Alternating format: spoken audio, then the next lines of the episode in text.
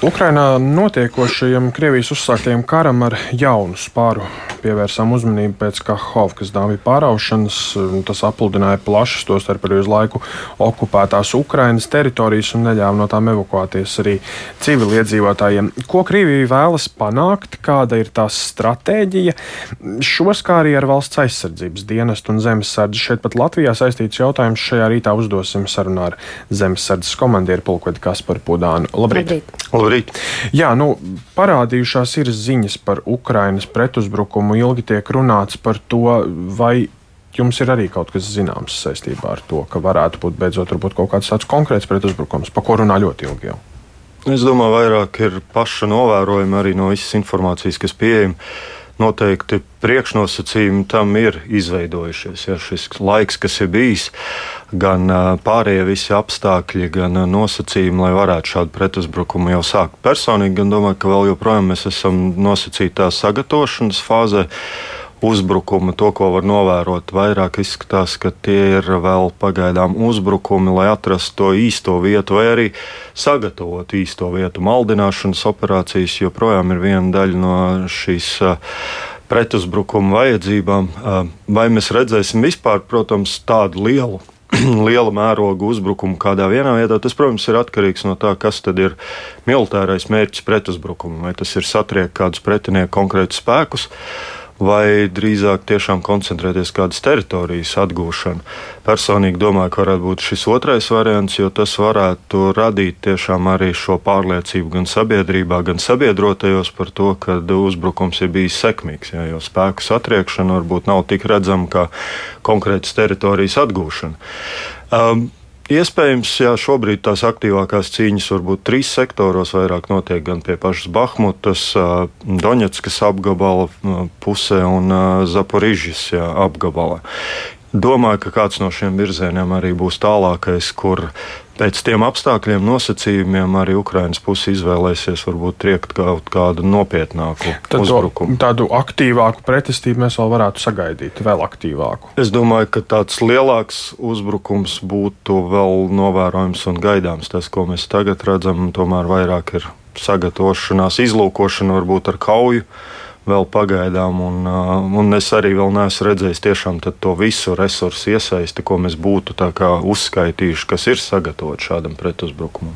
Nu, savukārt no Krievijas puses Krievu karaspēks šodien uzspridzināja Kahovkas Hes, iespējams arī ar mērķi, lai kavētu Ukrainas pretuzbrukumu. Uh, tur posts, protams, ir nodarīts milzīgs. Cik ļoti tas var kavēt Ukraiņu plānus doties pretuzbrukumā vai kaut kādus citus manevrus veikt? Jā, precīzi vēl, protams, nevar pateikt, vai tas bija militāru apsvērumu dēļ, vai kavēt pretuzbrukumu, vai kā ietekmēt, vai, vai tiešām vienkārši atkal radīt teroru un uh, novērst uzmanību vispār no kara darbības. Bet, ja no militārā skatās, tad Protams, jā, šis sektors vismaz uz dienvidiem, jā, pa Dņepras deltu uz dienvidiem, kurš ir apludināts, tad jā, nosacīti samazina uzbrukuma iespējamību vai forsēšanu pār šo apvidu, jo viņš paliek daudz sarežģītāks forsēšanas operācijām vismaz īslaicīgi.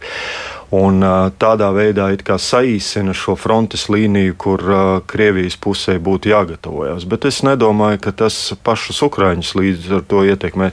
Protams, šis uzbrukuma virziens forsējot Dņepru Hersovas apgabalā, bija kā viens no variantiem iespējams, bet es teiktu ļoti masticams, jo šāda veida operācija ļoti sarežģīta, diezgan grūti organizējama un, un ar maziem panākuma iespējams variantiem iespējams. Bet katrā ziņā Krievijas puse būs saīsinājusi. Protams, vienlaicīgi tas ir ietekmējis arī viņu pašu aizsardzību. Jo, ja mēs paskatāmies satelīta uzņēmumos, attēlos, kas ir redzams, tad pirmās aizsardzības līnijas arī ir zem ūdens. Jā, skaidrs, ka viņi bija sagatavojuši vairākas līnijas, bet šādējādi zaudēt pirmo sagatavoto varbūt neliecina par īsti pārdomātu tādu rīcību, bet uh, mans uzskats, tomēr, ka varētu būt nedaudz arī panikas vai uztraukuma gadījumā par to, kur tad būs šis lielais trieciens, kur Ukraina pielietos savu strateģisko vai operacionālo rezervi. Tad varbūt saīsināt, samazināt šīs opcijas, lai var koncentrēt savu rezervi savukārt kaut kur citur. Jā, nu, proti, zem, zem šī Haukas dambjas dienvidiem visticamāk vairs nevarēs tagad tuvākajā laikā. Noteikti, vieglas. ka tas viņiem ļauj iespējamību pārsviest savus spēkus varbūt uz citiem sektoriem sektoriem vairāk uz austrumu pusi. Mhm. Un, nu, par uh, aktuālo mūsu pašu mājās pie mums Latvijā vasara iesākusies ar to, ka ir noslēdzies pirmais brīvprātīgais iesaukums valsts aizsardzības dienestā. Zināms, ka pieteikušies 488 jaunieši. Ko no tā var secināt? Cik veiksmīgs vai neveiksmīgs ir šāds skaits?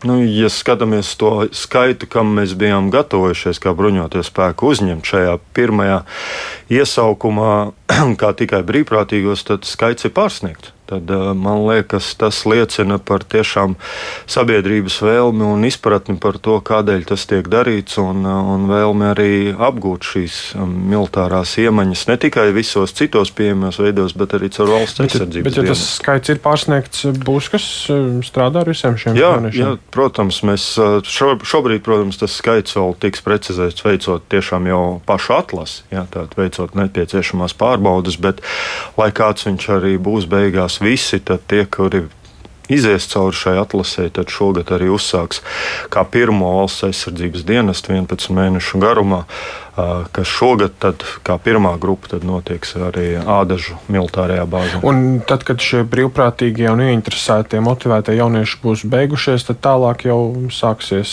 Bija, es dzirdēju, piemēram, par izlozēm bija runa. Jā, tas, tas jau, protams, ir nākamais iesaukums, kurš arī šobrīd jau ir atvērts. Jā, tā viss ir uzsākts, informācija pieejama. Tad līdz 15. jūlijam visiem ir iespēja jau nākamajam iesaukumam pieteikties brīvprātīgi.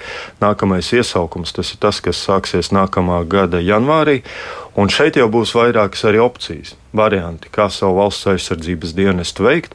Vai nu šajā variantā, kā tas ir šobrīd par 11 mēnešu es teiktu, tādu kā pilnvērtīgu, pilnu, pilna laika valsts aizsardzības dienestu, vai arī nākamās opcijas, kas ir dienests gan zemesardze, piecu gadu dienests zemesardzē ar nepieciešamu vai prasību 28 vismaz minimums 28 dienu apmācība, kā arī brīvprātīga mm, rezerves virsnieka programmas pabeigšana arī 5 gadu, gadu laikā.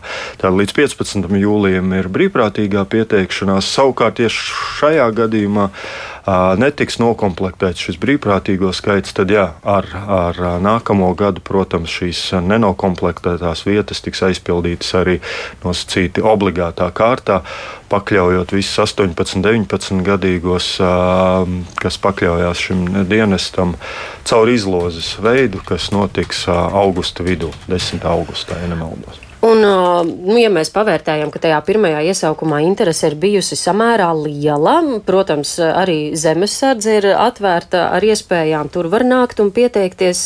Kā jūs secināt, vai valsts aizsardzības dienests kaut kādā veidā neatņem jums potenciālos? Nā, es konkurenci neredzu. Es neredzu konkurenci, jo Es teiktu, mums drusku dažāda varētu būt nedaudz atšķirīga auditorija. Valsts aizsardzības dienas tomēr tiešām ir koncentrēts uz jauniešiem, 18 līdz 27 gadu veciem jauniešiem. Kā minēja, arī šis obligātais faktors, kas iestāsies, ja brīvprātības daudzums vai tas apjoms netiek sasniegts, arī vairāk attiecas uz 18, 19 gadīgiem. Bet zemesardzē pavērojot, protams, zemesardze pēc tā, ko mēs rekrutējam, ir pieejama visiem no 18 līdz pat 60 gadiem, bet, bet lielākais vairums pēdējos gados, tad, ja statistikā skatās, tomēr ir cilvēki, jaunieši virs 30 gadiem, kas, kas varbūt jau ir nostabilizējušies savā dzīvē un tiešām redz tās valstiskās vērtības, ko viņi ir gatavi aizsargāt. Un eh, runājot par eh, zemesardzi, vēl eh, saistībā ar to atsaucību. Drīz pēc Krievijas iebrukuma Ukrainā mēs dzirdējām par ļoti lielu atsaucību. Cilvēki nāca un pieteicās. Šobrīd tas ir norimis vai vēl aizvien, nu, ja salīdzinām ar laiku pirms šīs aktīvās kara fāzes. Ja salīdzinām ar pagājušā gada pavasari, tad, protams, tā ir zemāka pagājušā gada pavasarī. Tas tiešām bija liels pieplūdums un uh, daļēji ar vēlmu valsts aizsargāt, varbūt arī ar satraukumu. Bet uh, šobrīd tas arī tāpat ir lielāks nekā pirms pirms uh, 22. gada tad februāra. Tātad joprojām interese ir. Un, un šī gada laikā, tad, ja paskatāmies no janvāra, tad mums ir tuvu pie 600 uh, jauniem pieteikumiem, kas ir jau vairāk nekā līdzšanējos pat gada ietvaros. Un kopumā pēdējā gada laikā var secināt, ka zemesardze ir kļuvusi daudz skaitlīgāka un spēcīgāka. Jā, mēs esam sasnieguši jau pārsnieguši jau pār desmit tūkstošiem zemesargu kopumā bruņotajos spēkos.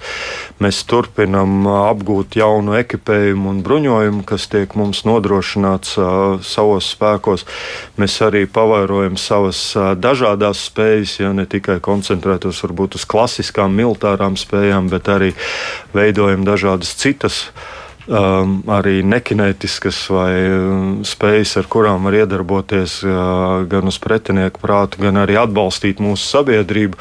Veidojam arī ar vien spēcīgāku mūsu sabiedrību ar, ar, un mūsu sadarbību ar civilo aizsardzību, ja, lai palīdzētu arī viņiem spēt pārvarēt dažādas krīzes, īpaši krīzes, kas varētu būt raisītas kara, uh, kara situācijās. Jā, nu paldies par sarunu, teiksim, zemesardzes komandierim pulkvedim Kasparam Pudānam.